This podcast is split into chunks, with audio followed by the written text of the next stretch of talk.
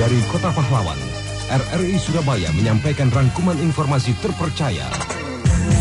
Semaksimal mungkin nanti Bu, ini terus kirim dan kirim terus. Semua aktivitas kita izinkan, tidak lepas aktivitas itu menjunjung tinggi protokol kesehatan. Kalau rekomnya nggak boleh ya nggak boleh. Ya nggak boleh pelajaran secara langsung. Pelajarnya tetap daring. Info Prima sengaja menyajikan informasi yang prima. Selamat sore pendengar dari Kota Pahlawan Radio Republik Indonesia Surabaya menyampaikan info prima edisi Senin 22 Juni 2020 Bersama saya Nindi Arima inilah info prima selengkapnya.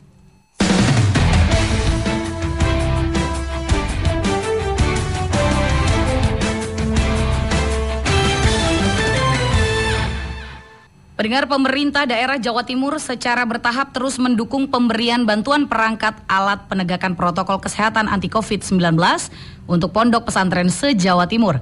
Informasi selengkapnya bersama Ani Hasanah. 168 dari 4.718 pesantren yang tersebar di Jawa Timur telah mendapat bantuan dari pemerintah Provinsi Jawa Timur melalui gugus tugas percepatan penanganan COVID-19. Pemerintah daerah secara bertahap akan terus mendukung bantuan perangkat alat penegakan protokol kesehatan anti COVID-19 kepada pondok pesantren sejatim. Bantuan itu disalurkan untuk mengantisipasi terjadinya penularan COVID-19 di lingkungan pondok pesantren jelang kembalinya para santri untuk kegiatan belajar mengajar di pondok pesantren era normal baru. Dengan bantuan tersebut diharapkan para pengasuh dan para santri bisa menerapkan pendisiplinan protokol kesehatan di lingkungannya, sehingga setiap ponpes bisa menjadi pesantren tangguh. Kalaksa BPBD Jatim yang juga gugus tugas promotif preventif penanganan COVID-19 Jatim, Suban Wahyudiono mengatakan, sementara sebanyak 168 pesantren yang sudah didistribusikan bantuan. Semaksimal mungkin nanti Bu, ini terus kirim dan kirim terus. Ini kan jadi gubernur mulai itu kan sudah ada pertama kali itu pondok pesantren Lirboyo, Kediri sama Ploso, terus ketiga di Sampang, yang keempat di Tambak Beras. Dan selanjutnya kami ini di Lamongan 10 pondok, di Malang Raya 108, terus di Probolinggo 45, dan ini berlanjut berlanjut terus. Sementara itu berdasarkan data Kanwil Kemenak Jatim, jumlah ponpes di Jatim saat ini sebanyak 4.718, sedangkan jumlah santri sebanyak 928.363 orang. Dari jumlah tersebut, santri yang bermukim sebanyak 634.000 lebih dan santri yang tidak bermukim sebanyak lebih dari 293.000 orang. Ani Hasanah melaporkan. Lebih lanjut kita akan membahas pondok pesantren di Jawa Timur yang mendapat bantuan perangkat alat penegakan protokol kesehatan anti COVID-19 dari pemerintah Provinsi Jawa Timur. Dan saya akan berbincang dengan pengasuh pondok pesantren Muhyiddin di Surabaya, yaitu Bapak M. Hasan Badri.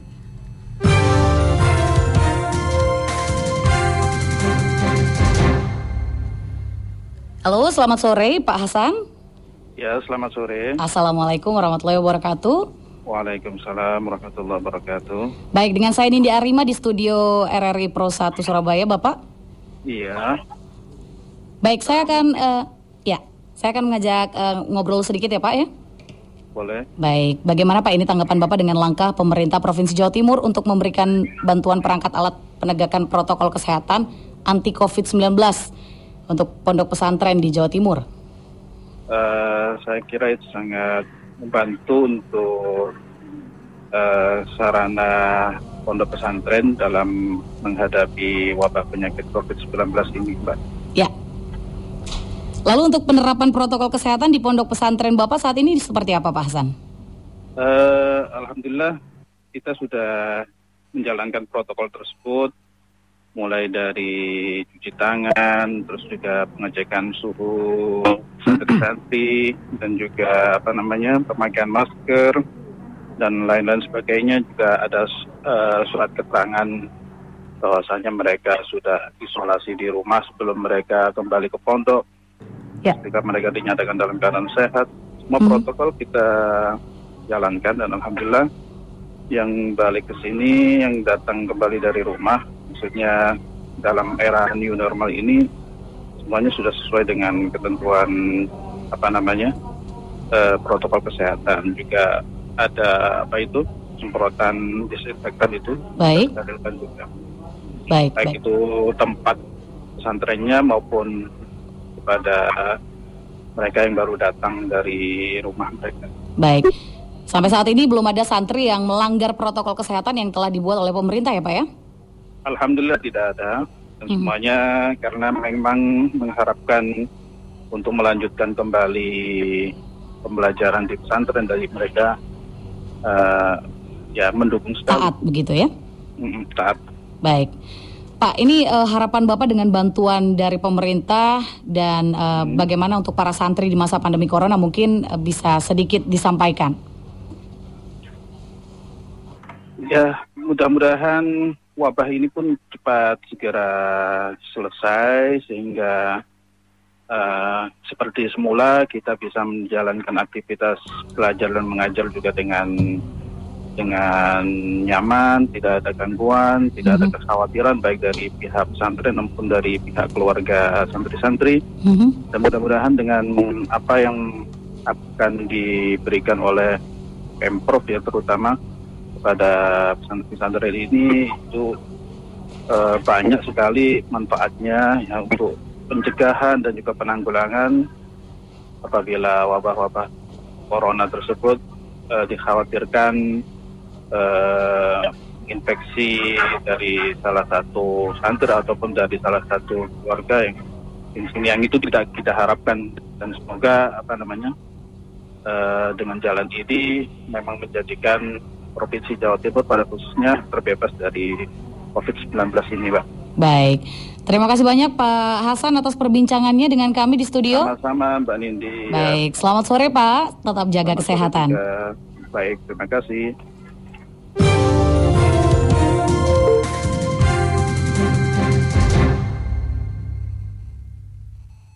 Pendengar Anda masih di jalur info Prima RRI Surabaya jejaring dengan RRI Malang, Sampang, Sumeneb, Madiun, Jember, RRI Kediri dan stasiun relay RRI Surabaya untuk wilayah Tuban dan sekitarnya. Berita ini juga dapat Anda dengar melalui www.rri.co.id dan aplikasi RRI Playgo.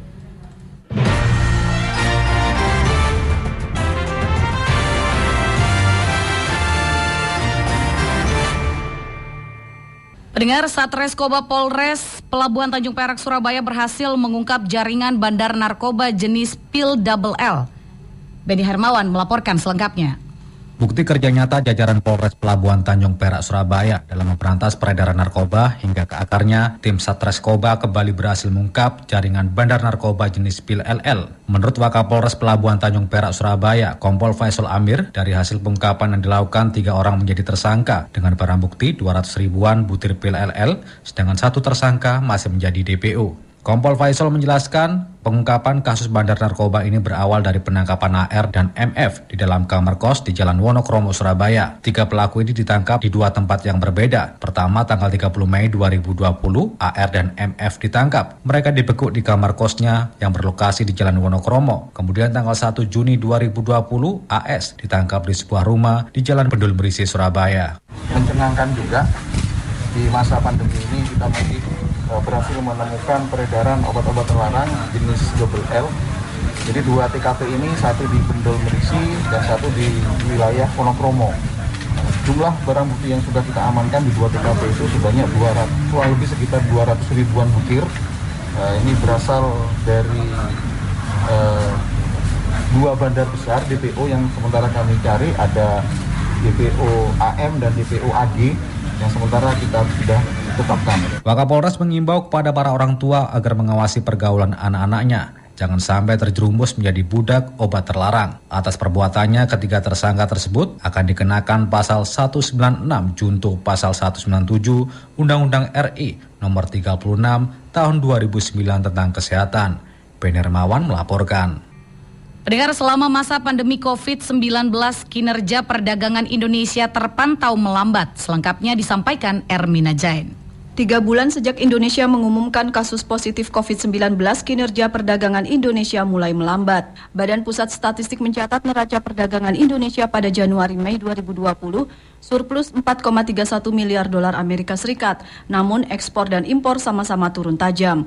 Staf ahli Menteri Perdagangan bidang pengembangan pasar Supriyono Adi mengungkapkan, pemerintah tetap berupaya mengambil peluang investasi maupun perdagangan ke luar negeri di tengah pandemi COVID-19.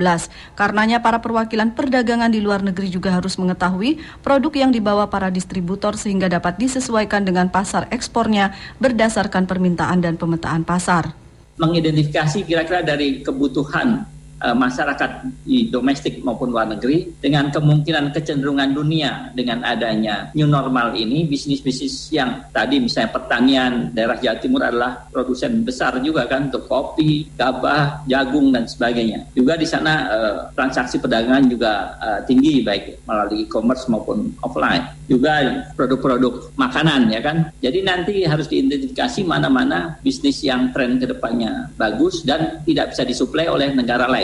Tapi kita juga harus waspada bahwa dengan adanya uh, demand shock tadi maupun supply shock tadi akan terganggu supply chain kan gitu ya. Sehingga ketahanan pangan kita juga harus kita siapkan ya.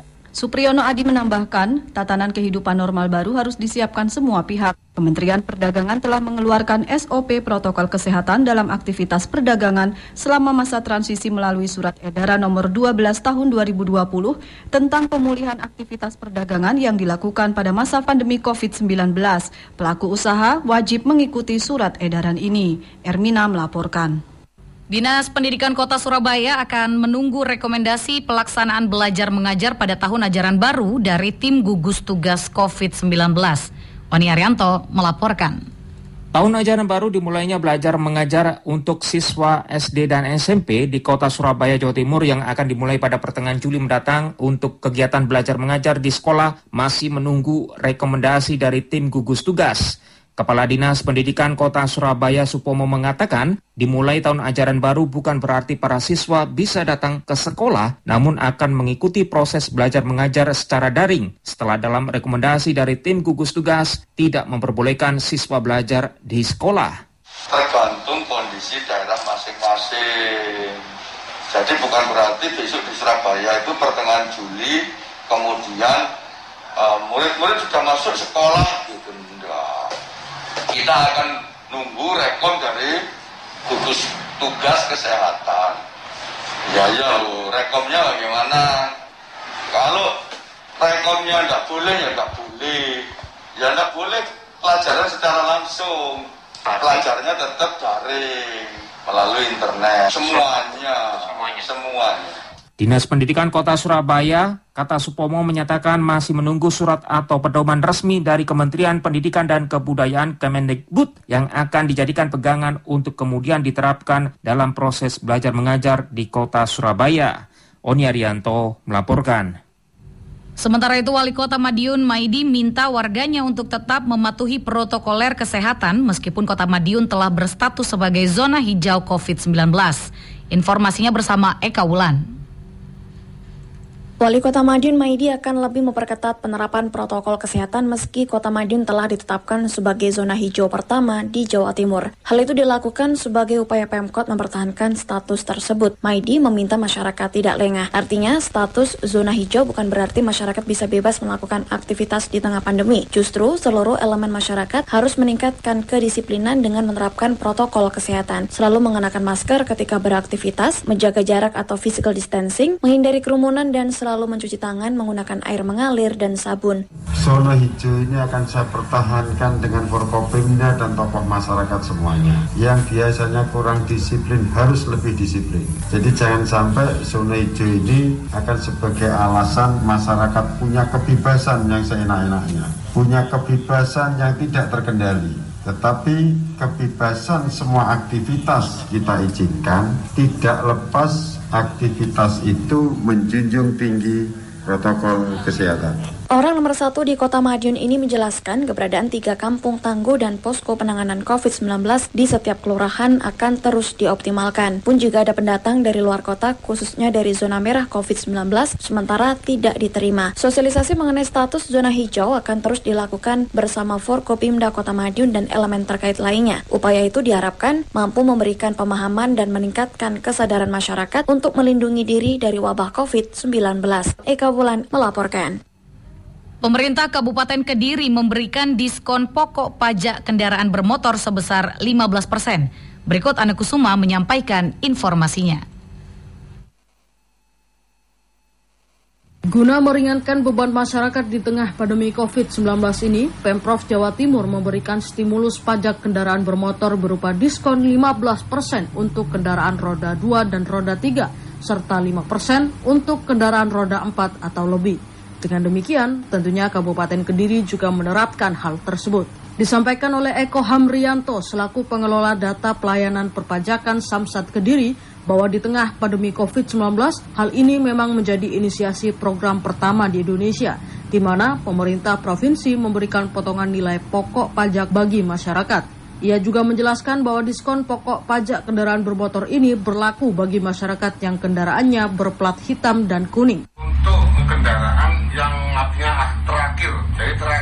masa pajaknya sudah, maksudnya, misalnya kita mati tiga tahun, yang kena eh, yang dapat diskon hanya yang terakhir saja. Untuk pembebasan denda itu untuk denda PKP dan denda BBM. Jadi misalnya kita pastinya kena denda, itu dendanya nanti saya bisa kena sampai tanggal 31 Juli 2020. Selain adanya diskon pokok pajak sebesar 15% tersebut, terdapat pula pembebasan denda keterlambatan pajak serta bea balik nama yang berlaku hingga 31 Juli 2020 mendatang. Diharapkan dengan adanya program ini dapat meringankan beban masyarakat di tengah pandemi COVID-19. Ana Kusuma melaporkan. Pendengar informasi selanjutnya datang dari reporter Awang Sukmawan. Pemkot Malang mengajak semua elemen masyarakat peduli dan disiplin menjalankan protokol kesehatan di tengah tahapan masa transisi yang masih berlangsung.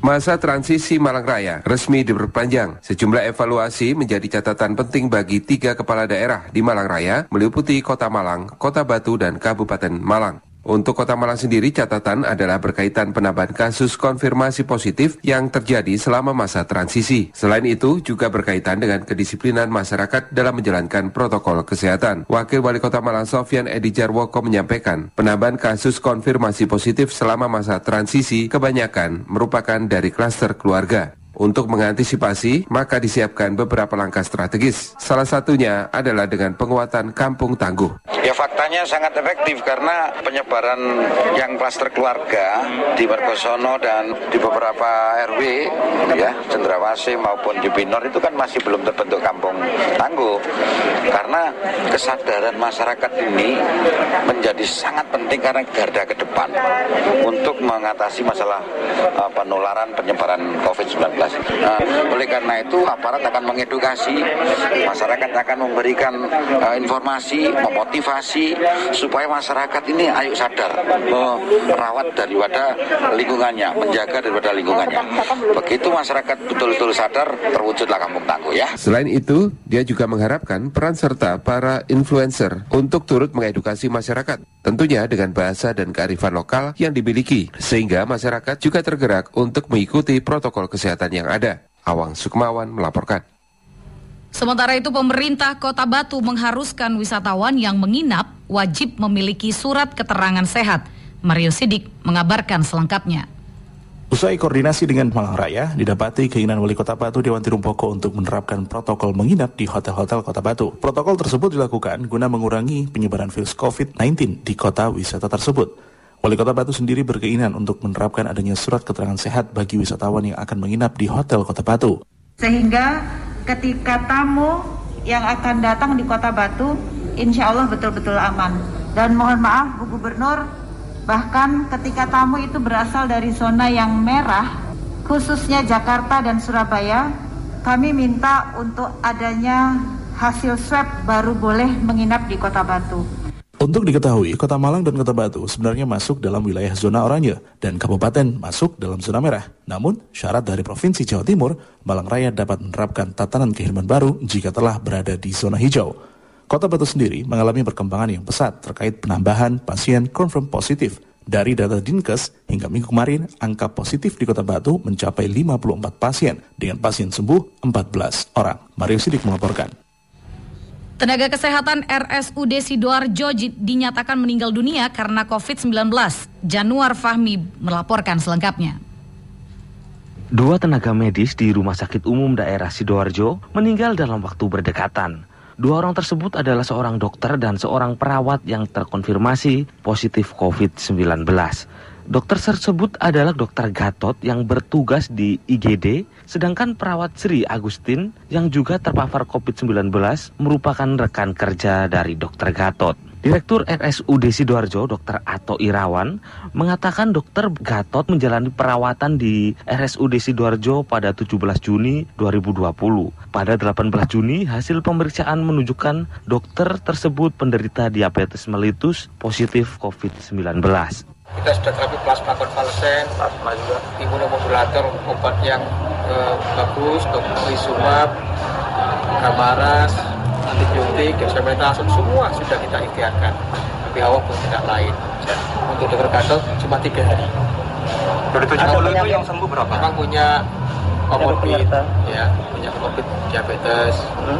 Dan ini eh, bisa terjadi serangan jantung juga pada COVID sekarang ini kok kemungkinan uh, sebelum pasang ventilator meninggal mendadaknya resnya karena mungkin serangan jantung. Hingga kini sudah ada tiga petugas kesehatan di Sidoarjo yang meninggal dunia. Total tenaga kesehatan yang terpapar akibat COVID-19. 59 orang dan yang meninggal dunia sudah tiga orang. Dua perawat dan satu dokter. Dari Sidoarjo, Jawa Timur, Januar melaporkan. Info olahraga.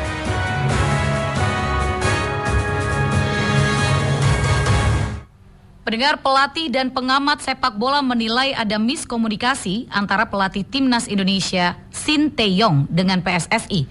Oni Arianto melaporkan. Nama pelatih tim nasional Indonesia Shin Tae-yong saat ini ramai menjadi bahan perbincangan pecinta sepak bola di tanah air. Mantan pelatih timnas Korea Selatan pada Piala Dunia tahun 2018 tersebut tengah beradu argumen dengan Persatuan Sepak Bola Seluruh Indonesia PSSI terkait program latihan timnas Indonesia ke Korea Selatan tidak mendapat restu dari PSSI. Menurut Muhammad Sain Al-Hadad, salah satu pelatih sepak bola nasional asal Surabaya, kedua belah pihak hendaknya melihat awal perjanjian kontrak. Keinginan pelatih timnas untuk berlatih di luar negeri menjadi hal yang biasa, namun faktor apa yang membuat PSSI tidak memperbolehkan? Tergantung dari pembicaraan ya, waktu kontrak dulu. Waktu pertama kontrak itu seperti apa? Tapi biasanya memang biasanya pelatih mengajukan keinginan untuk melatih di luar negeri. Biasanya bisa boleh. Tapi nggak tahu ini PSSI kenapa kok yang saat ini nggak boleh. Mungkin ada faktor-faktor lain. Itu saya saya saya tidak tahu. Yang jelas ada sedikit sedikit miskomunikasi antara uh, Sintayong dengan PSSI. Senada dengan Mamak, panggilan akrab Muhammad Sen Al-Hadad, salah satu pengamat sepak bola Alif Safiar menyebut adanya miskomunikasi antara Sintayong dengan PSSI. Di mana dari media-media yang saya baca, ini semacam ada persoalan miskomunikasi antara federasi dalam hal ini direktur teknik atau bidang tim nasional dengan pelatih asal Korea Selatan ini.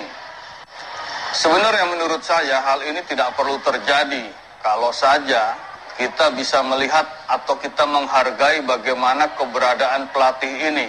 Dikabarkan sebelumnya, Sintayong menyebutkan ingin membawa timnas Indonesia melakukan pemusatan latihan di kota Gyeongju, Korea Selatan. Timnas Indonesia, kata Sintayong, harus menghadapi tim yang kuat untuk meningkatkan kemampuan individual dan kerjasama tim. Oni Arianto melaporkan. PBISSI mengganti balapan Tour de Indonesia menjadi virtual race. Agustin Irdiani berikut melaporkan. Penyelenggaraan balap sepeda internasional Tour de Indonesia 2020 memutuskan untuk membatalkan event dan menggantinya dengan balapan virtual. Sekretaris Jenderal Pengurus Besar Ikatan Sport Sepeda Indonesia PBIC, Pramana Nugroho mengatakan, Tour de Indonesia batal digelar 24 hingga 29 Agustus dan akan diganti secara aplikasi virtual race pada akhir September mendatang. Uh, Tour de Indonesia kita selenggarakan secara virtual, jadi bukan uh, apa uh, real race tapi virtual race karena memang pertimbangannya uh, masih banyak negara yang belum siap juga untuk uh, traveling gitu. Apalagi kalau kita selenggarakan dalam waktu dekat. Jadi kita rencananya virtual race-nya di bulan September. Sementara itu jumlah etapa virtual juga masih akan sama seperti penyelenggaraan Tour de Indonesia 2019 lalu, di mana ada lima etapa yakni DKI Jakarta, Daerah Istimewa Yogyakarta, Sumatera Barat, dan Jawa Timur. Tour de Indonesia akan melibatkan 12 tim nasional dan tim kontinental di Asia, di mana masing-masing tim ada empat pebalap. Tour de Indonesia bukan satu-satunya kejuaraan balap sepeda internasional yang dibatalkan dan diganti balapan virtual. Akibat pandemi COVID-19, seluruh negara di dunia telah membuat sejumlah ajang balap sepeda lain terpaksa dibatalkan dan membuat balapan secara virtual. Agustin Irdiani melaporkan. Demikian info olahraga.